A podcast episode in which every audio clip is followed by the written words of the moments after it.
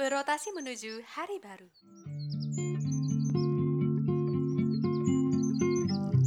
Sesaat lagi, kamu akan mendengarkan podcast Arunika. Selamat mendengarkan.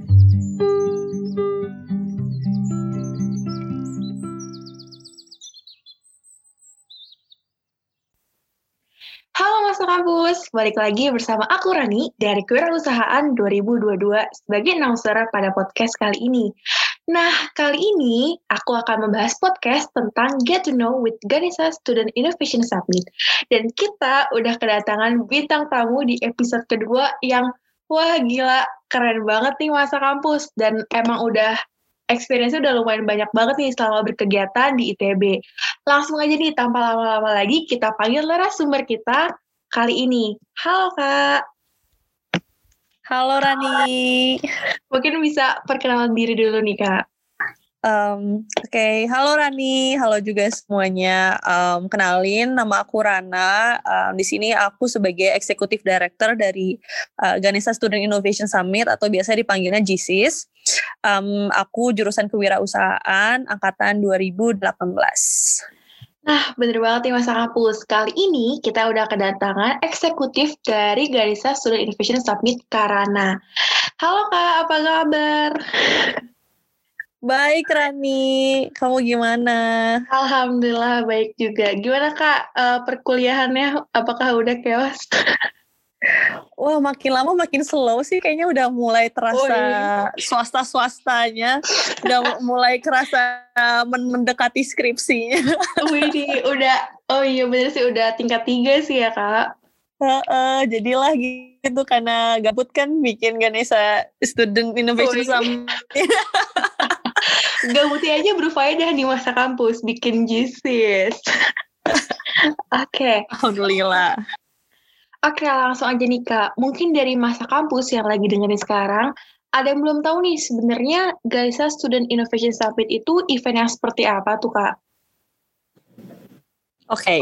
jadi uh, simply put, uh, GSIS itu uh, semacam online conference yang diperuntukkan bagi mahasiswa di seluruh Indonesia untuk saling berdiskusi dan belajar mengenai tantangan yang dihadapi Indonesia saat ini dalam bidang teknologi, bisnis, dan seni. Uh, tapi conference ini sendiri juga diharapkan dapat mendorong mahasiswanya untuk berinovasi untuk memberikan dampak yang nyata bagi lingkungan sekitarnya. Jadi, maka daripada itu beriringan juga dengan conference-nya ada juga hands-on challenge Rani. Wah, oke okay, oke. Okay. Lanjut nih. Aku penasaran sebenarnya kan si JIS ini kan perdana banget ya Kak diadain ya di TB. Nah, betul. Kayak, sebenarnya latar belakang diadainnya si kegiatan JIS ini tuh apa sih Kak? Oh, Oke, okay. jadi aku juga sempat cerita sih di Instagram gitu. Jadi kayak aku merasa kalau uh, banyak mahasiswa atau anak muda sekarang uh, banyak tuh yang ingin berkontribusi, berinovasi dan memberikan dampak bagi lingkungannya. Tapi masalahnya mungkin hanya dalam satu perspektif aja. Jadi kalau misalnya dilihat secara long termnya, maka dampak yang uh, iya atau mereka hasilkan itu tidak begitu berpengaruh atau malah merugikan targetnya karena terlalu condong ke satu perspektif. Ini enggak semuanya sih, maksudnya kayak banyak yang seperti itu tapi enggak semuanya.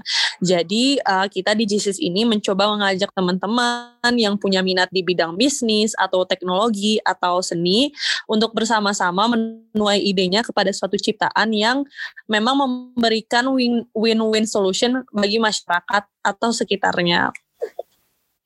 Wah, keren banget sih. Berarti emang uh, salah satu tujuan dari agenda ini tuh biar berimpact ke masyarakat yang luas gitu ya.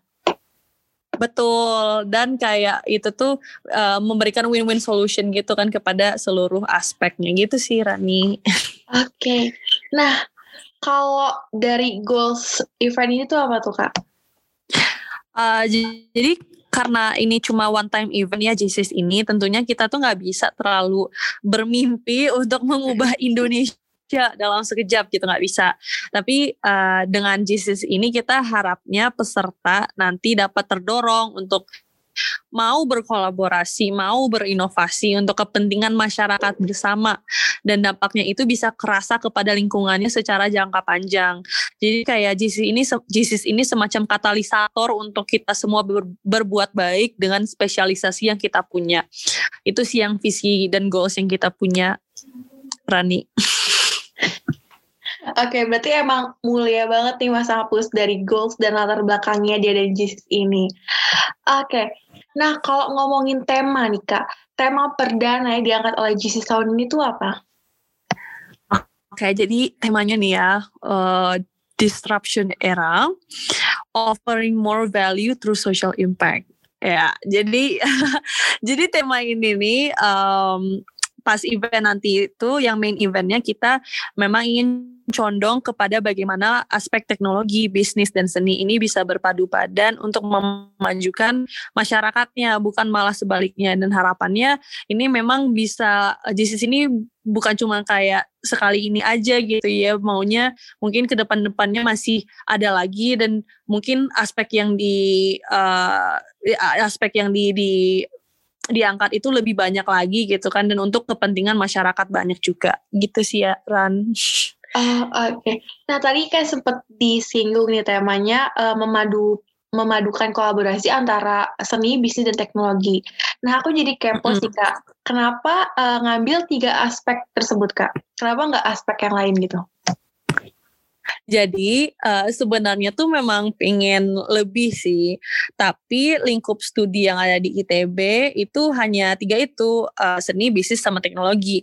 Dan kita dari panitia juga nggak berani ngambil langkah yang asal-asalan untuk mengintegrasikan misalnya uh, bidang hukum, bidang pemerintah atau uh, sosio humaniora lainnya karena nanti di conference-nya kan bakal ada challenge nih. Nah, yang ngejuriinnya tuh bakal dari dosen-dosen dan pihak ITB juga.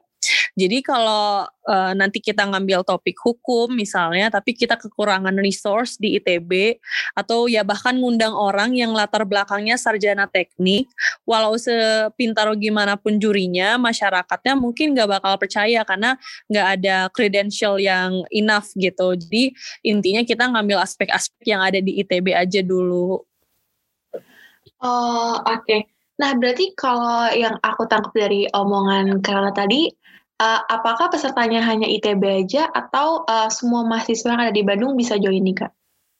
Wah, enggak. Nah, ini jadi semua, bahkan semua or, uh, ma mahasiswa yang dari Sabang sampai Merauke itu bisa join. Nah, kita harapannya memang supaya kayak meningkatkan ini kan kayak um, environment yang kolaboratif, di mana nanti kita juga nanti ketemunya bukan orang-orang yang kita uh, berbincang dan bertemu setiap harinya lagi gitu kan. Tapi harapannya adalah mungkin kita bisa tuh yang dari Bandung um, exchange idea sama yang di Sulawesi misalnya nanti yang di Aceh terus bisa exchange sama yang di Bali kayak gitu sih. Jadi memang kita visinya itu senasional. Gitu Rani. Uh, wah keren banget nih masa kampus langsung aja kali ya kak join register pendaftarannya ya buat teman-teman mahasiswa yang ada di Indonesia. Iya harus banget karena apalagi biaya pendaftarannya tuh murah gitu um, bahkan kayak kurang lah dari lima puluh ribu gitu. Jadi um, biasanya bahkan yang kalau misalnya competition competition gitu tuh uh, harganya sampai tiga ratus ribu gitu kan. Kita juga uh, kita cuma lima puluh ribu doang ya standar misalnya ikut webinar dua kali gitu lah ya udah bisa udah bisa dapat case udah bisa dapat um, segala benefit lah yang nanti Jessis dapat tawarkan Wah, berarti emang terjangkau banget nih teman-teman uh, mahasiswa ke semua uh, mahasiswa yang ada di Indonesia. Oke okay, Kak, kita lanjut ke next question nih. Kalau agenda dari JISIS ini apa aja Kak? Apakah uh, cuman conference aja atau ada lombanya atau webinar atau gimana tuh Kak? Nah, jadi um, agenda GCS ini kita ada beberapa pre-event, terus uh, nanti main eventnya bakal di bulan Desember. Nah, uh, kita tuh udah ngeadain um, banyak pre-event sih dari Instagram Live, Instagram Takeover, terus um, apa ya kayak JC's Live gitu-gitu.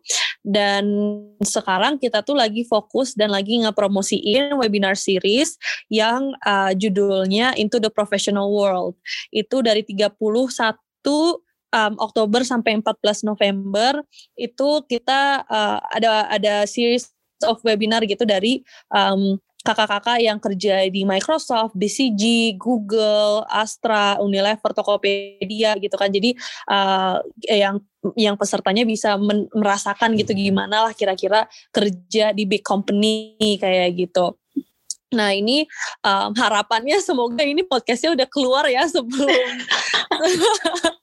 sebelum webinar seriesnya berakhir gitu loh supaya bisa dengerin juga gitu kan. Nah, um, jadi gitu guys. Nah uh, pokoknya sekarang kita lagi um, ada pre-eventnya itu webinar series.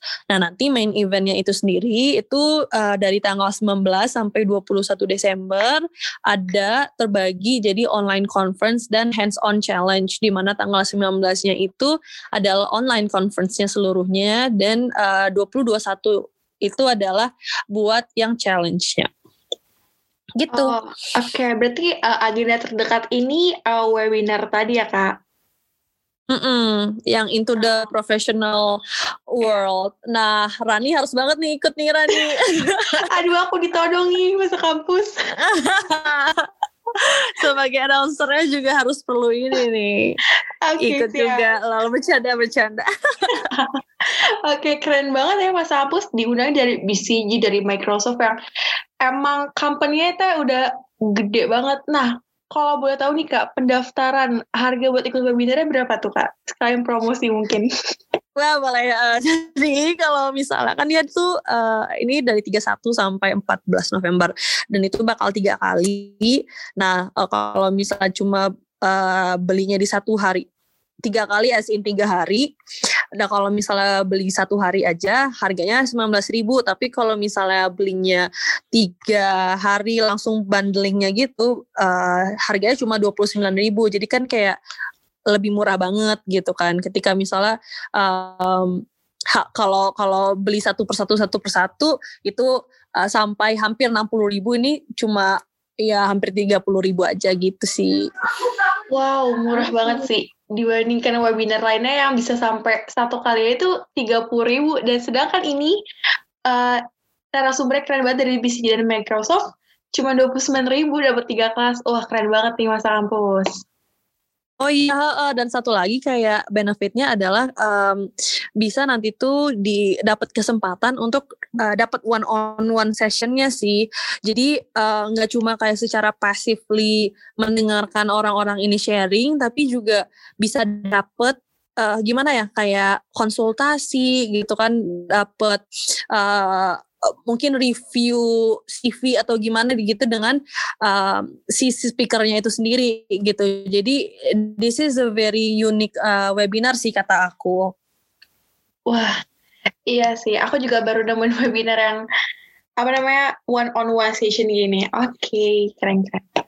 Lanjut tadi kan sempat uh, disinggung gitu kan tentang uh, kegiatannya. Nah, aku sempat lihat nih kak di Instagramnya GCS itu kegiatan itu ada dua gitu, ada individual challenge and team up challenge. Nah, bedanya dari dua kegiatan itu apa tuh, Kak? Oke, okay, jadi Oke, okay, jadi kalau uh, individual challenge sama uh, team up challenge itu adalah uh, semuanya termasuk dalam hands on challenge. Nah, hands on challenge ini bagi kedua fase. Fase pertama itu individual challenge. Fase kedua itu baru team up challenge. Nah pas individual challenge ini adalah nanti pas akhir November gitu kan um, peserta yang sudah mendaftar sebagai ini untuk untuk challenge-nya mereka bakal diminta um, untuk uh, menulis one page one page essay essay terhadap uh, suatu kasus studi kasus yang kita kasih nanti. Dan itu tuh per uh, ini ya per track. Jadi misalnya kalau aku daftarnya tuh dalam track bisnis nah aku tuh bakal dapat kasusnya tuh kasus bisnis. Nah kalau misalnya uh, teknologi dapat kasusnya teknologi begitu juga dengan um, seni gitu kan. Nah nanti dari situ bakal diseleksi untuk um, pokoknya diseleksi untuk masuk ke team up challenge-nya. Nah, team up challenge ini kan fase kedua dan final juga di mana nanti uh, pas uh, tanggal 20, tanggal 21 itu um, tanggal 20-nya atau 19 malamnya uh, yang pesertanya bakal dapat kayak timnya gitu. Jadi ini nih bukan daftarnya bukan sebagai tim tapi daftar sebagai individu nanti di randomize gitu. Uh, di mana kayak uh, we don't know yet uh, our teammate gitu. Jadi kayak um, nanti kita taunya tuh pas di situ dan nanti kita bisa networking atau kenalan sama orang baru gitu kan. Dan nge-solve case selama 24 jam uh, dalam timnya dan nanti bakal dipresentasi. Dan tentunya dalam satu tim itu kompo komposisinya tuh bakal sama antara bisnis, art dan teknologi gitu sih. Jadi nggak bakal kayak misalnya satu timnya tuh uh, uh, ada bisnis aja atau bisnis dan teknologi aja gitu. Tapi kayak ada proporsi yang tepat antara bisnis seni dan teknologi. Gitu. Pokoknya pas awal-awalnya tuh daftarnya sendiri aja. Nanti untuk tim up-nya uh, itu bakal dirandomize sama pak panitia. Uh, oke. Okay. berarti kalau aku uh, summary dikit tadi uh, ini tuh daftarnya sendiri-sendiri terus tahap pertama kita masih ikut individual challenge dulu ya kak baru nanti setelah lolos mm -hmm. masuk ke babak team up challenge dan di random gitu ya uh, teman-temannya biar mungkin bisa ini kali kak biar bisa bertukar perspektif dari masing-masing bidang gitu ya Iya betul betul banget kan itu ya value kita tuh kolaborasi gitu. Oke. Uh, Oke. Okay. Terus aku juga penasaran nih Kak, kenapa uh, summit semacam ini kayak GCS ini yang collaborate many people from many aspect of the topics jadi sangat penting banget nih di uh, kondisi sekarang? Karena uh, kembali lagi sih ke concern yang latar belakang tadi, uh, karena uh, banyak aku merasa banyak mahasiswa atau anak muda sekarang yang ingin kontribusi tapi um, hanya dalam satu perspektif aja. Jadi kalau dilihat secara long term itu dampak yang dihasilkannya itu tidak begitu berpengaruh gitu. Makanya uh, kita mengencourage ada kolaborasi dari tiga aspek ini um, sehingga lebih lebih konklus lebih komprehensif gitu solusinya. Uh, untuk untuk isu-isu uh, yang ada di beredar di Indonesia saat ini. Hmm, oke. Okay. Berarti nanti uh, pemilihan isunya yang emang lagi hits gitu ya, Kak? oh iya, yang hits ya. Uh, kita ya, jadi isunya hits gitu ya. Oke, okay, boleh siap siap. Oke. Okay. Nah, kalau kita ngomongin masalah fasilitas nih kak, apa aja sih kak fasilitas yang didapetin, baik bagi baik itu bagi peserta JISI sendiri atau uh, bagi panitia yang udah kegabung di uh, JISI sendiri? Oke, okay um, kalau buat buat panitianya sih udah pada masuk gitu ya. Jadi um, mereka kemarin dapatnya kayak internal training, dapat uh, akses ke webinarnya juga secara gratis gitu kan dapat um, sertifikat also other things kayak learning opportunities juga. Nah, buat pesertanya itu uh, kita bakal nyediain sertifikat juga karena banyak nih teman-teman yang kayak wah ternyata sertifikat itu sangat penting. Oke, kita kasih sertifikat. Um, we also give kayak learning opportunities yang tinggi dari nanti para speaker-speakersnya bisa dapat insights-insights yang keren dari para speakers tapi kita belum bisa disclose siapa pokoknya tunggu aja di awal November pokoknya keren-keren speakersnya nanti dan kalau misalnya ada ikut challenge-nya sendiri itu bakal dapat ini sih network sama orang-orang baru dan um, semacam case gitulah juga dari uh, jadi nggak nge-solve prob apa ngelatih problem solving dan decision makingnya para hmm. peserta. Oke, okay, berarti emang uh, benefit yang didapatkan emang se apa ya istilah ya? Sebenefit itu sih ya kak. Sebenefit. Iya. Oke. Nah, kalau bedanya nih Kak, bedanya antara uh, konferensi GSIS dengan konferensi yang lainnya itu apa tuh Kak? Atau sebenarnya sama atau ada yang menjadi uh, ciri khas dari si GSIS ini? Jadi um, jadi bedanya itu kalau di uh, online Friends di GCS itu ada challenge-nya ya. Jadi memang lebih excited. Kita memang mengencourage uh, active participation gitu dari pesertanya. Nah, nanti juga uh, bedanya challenge-nya ini di randomize timnya. Jadi nggak sama sama orang yang udah dikenal banget dan hopefully networknya itu terbangun gitu kan dengan orang-orang yang berbeda. Dan um, lain lagi kita juga um, memberikan challenge-nya tuh cuma 24 jam. Jadi benar-benar terpaculah adrenalin dan kayak uh, otaknya itu sangat terkuras tapi maksudnya sangat-sangat apa ya namanya um, challenging gitu dan hanya dalam 24 jam itu aja bisa dapat total hadiah sebesar 10 juta. Wow. Itu uh, 10 juta untuk satu pemenang atau buat satu tim gitu? Total, total, nggak nggak oh. nggak satu pemenang. oh. Oke, oke, mantap. Mm -mm. Oke, okay, tadi kan kita udah uh, sempat ngebahas, eh tadi kita udah ngebahas tentang GC secara keseluruhan itu event yang seperti apa, dan latar belakang GC itu apa, terus goals GC itu seperti apa. Nah, mungkin dari uh, masa kampus juga ada yang kepo sih, Kak, tentang pertanyaan ke diri Karana sendiri. Karena nggak bisa dipungkirin lagi nih, karena salah satu orang terkeren di TB yang mungkin udah terima penghargaan banyak ya kak Waduh, enggak kok aku masih biasa aja, aku masih gini-gini aja guys. eh biasanya ke orang keren tuh nggak mau ngaku. amin, kita aminin aja ya. Rani juga keren gitu. Kita amin. amin semua orang juga keren. Oke, okay.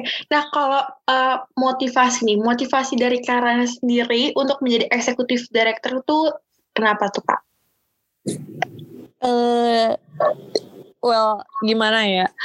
So, uh, so far itu aku merasa um, aku dua tahun nih banyak ngambisnya gitu kan. Tapi tapi rasanya hampa aja gitu kalau cuma dipakai ilmunya buat diri sendiri. Nah um, jadi aku merasa kayak oh dua tahun ngejar-ngejarnya cuma prestasi ngejar uh, apa beasiswa gitu kan. Lah itu uh, kalau bisa dilihat itu ya benefitnya tuh benefit buat aku dan mungkin ya keluarga aku gitu kan.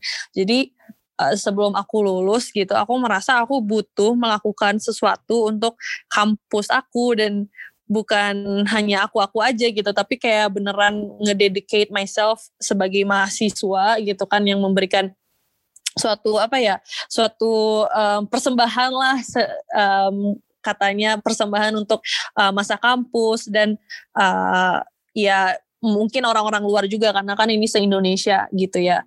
Uh, jadi singkat cerita tuh kalau misalnya aku lihat juga ya orang-orang yang memang benar-benar um, tulus dan kayak berdampak gitu tuh bukan yang mereka oh banyak banget prestasinya gitu kan. Bukan yang banyak banget apanya lah kayak terlalu uh, pokoknya it's it's good untuk dapat prestasi juga kan.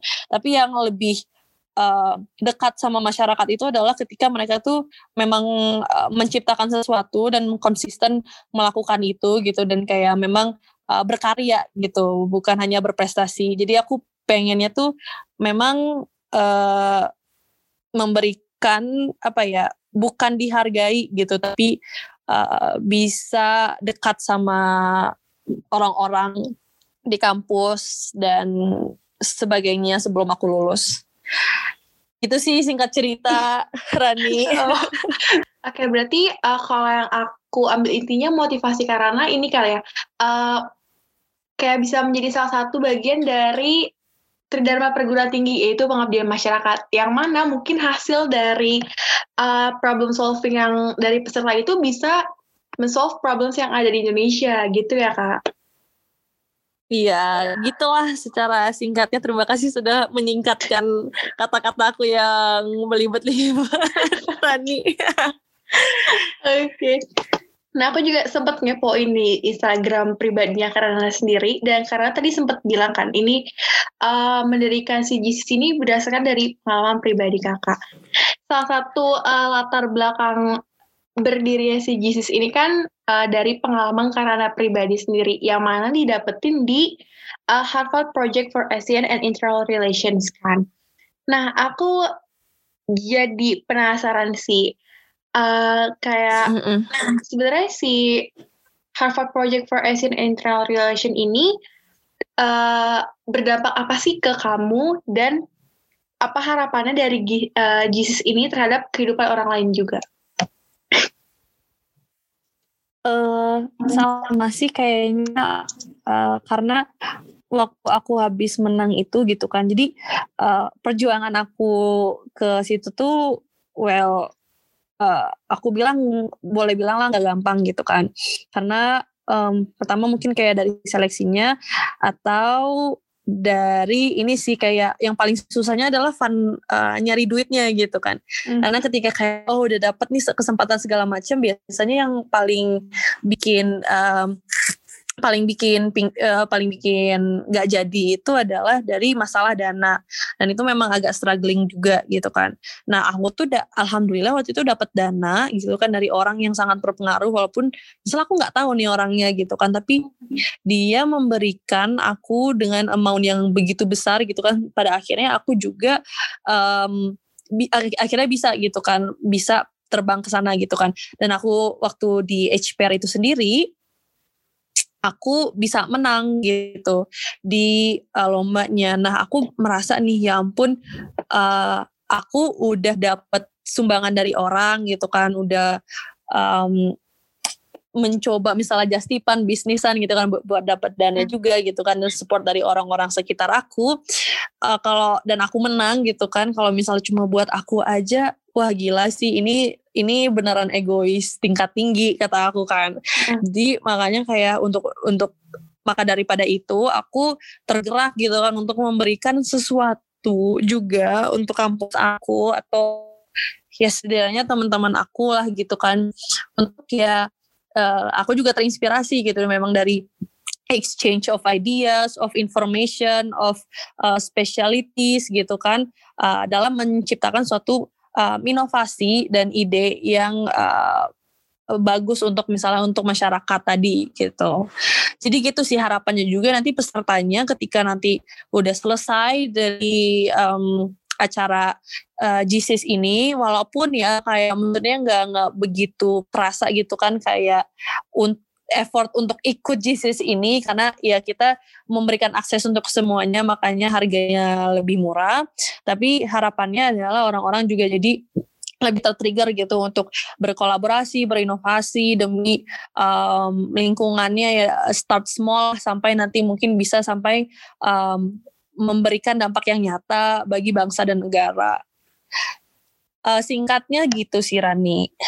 Wah keren banget sih memberikan dampak bagi bangsa dan negara. Keren banget di masa kampus. Oke. Aduh, rhyme juga ya. Tadi aku bilang dampaknya nyata bagi bangsa dan negara. Kayak kayak berpuisi gitu kayak puisi Soeharto eh Soekarno eh tapi enggak lah bercanda. Oke. Okay. Aduh. Gak kerasa kita udah lumayan lama ya kak eh, bincang-bincang uh, tentang dari event Jesus ini dan juga dari diri Karana sendiri. Uh, sejujurnya aku jadi tadi pas rekaman bareng nih sama Karana kayak uh, otak aku kayak mulai kebuka. Oh iya ya, bener juga ya kayak oh iya oh iya gitu loh. dan semoga masa kampus merasakan hal sama kayak apa yang aku rasakan sih. Alhamdulillah. Terima kasih loh Rani sudah mengundang aku ke podcast ini. Sangat beruntung untuk berbincang dengan Rani dan Wih. ya menjelaskan tentang Jesus itu sendiri. iya. Terima kasih juga. Oke, sebelum kita uh, closing nih Kak, ada nggak uh, kayak closing statement dari Karana sendiri? Atau mungkin Karana mau promosin Jesus juga boleh banget nih. Oke. Okay daftar JISIS ya teman-teman. Aduh, um, well Enggak sih kayak mungkin aku tadi juga selama ini selama podcastnya udah bercerita banyak tentang JISIS gitu kan. Um, untuk udah hard selling juga um, untuk daftar JISIS gitu.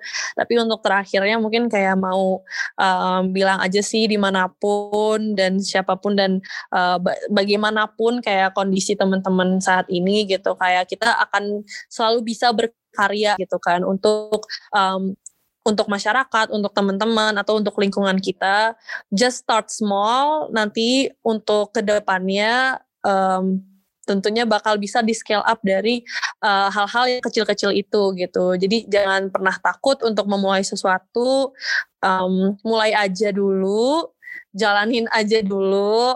Uh, nanti untuk ke depannya pasti you'll figure out your own path gitu sih.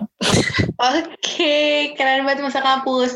Jangan pernah takut tapi jalanin aja dulu. Oke, okay, terima kasih banyak buat Karana sebagai eksekutif director dari GSIS udah meluangkan waktunya untuk bikin podcast di Get to Know with Ganesha Innovation Summit atau GSIS ini.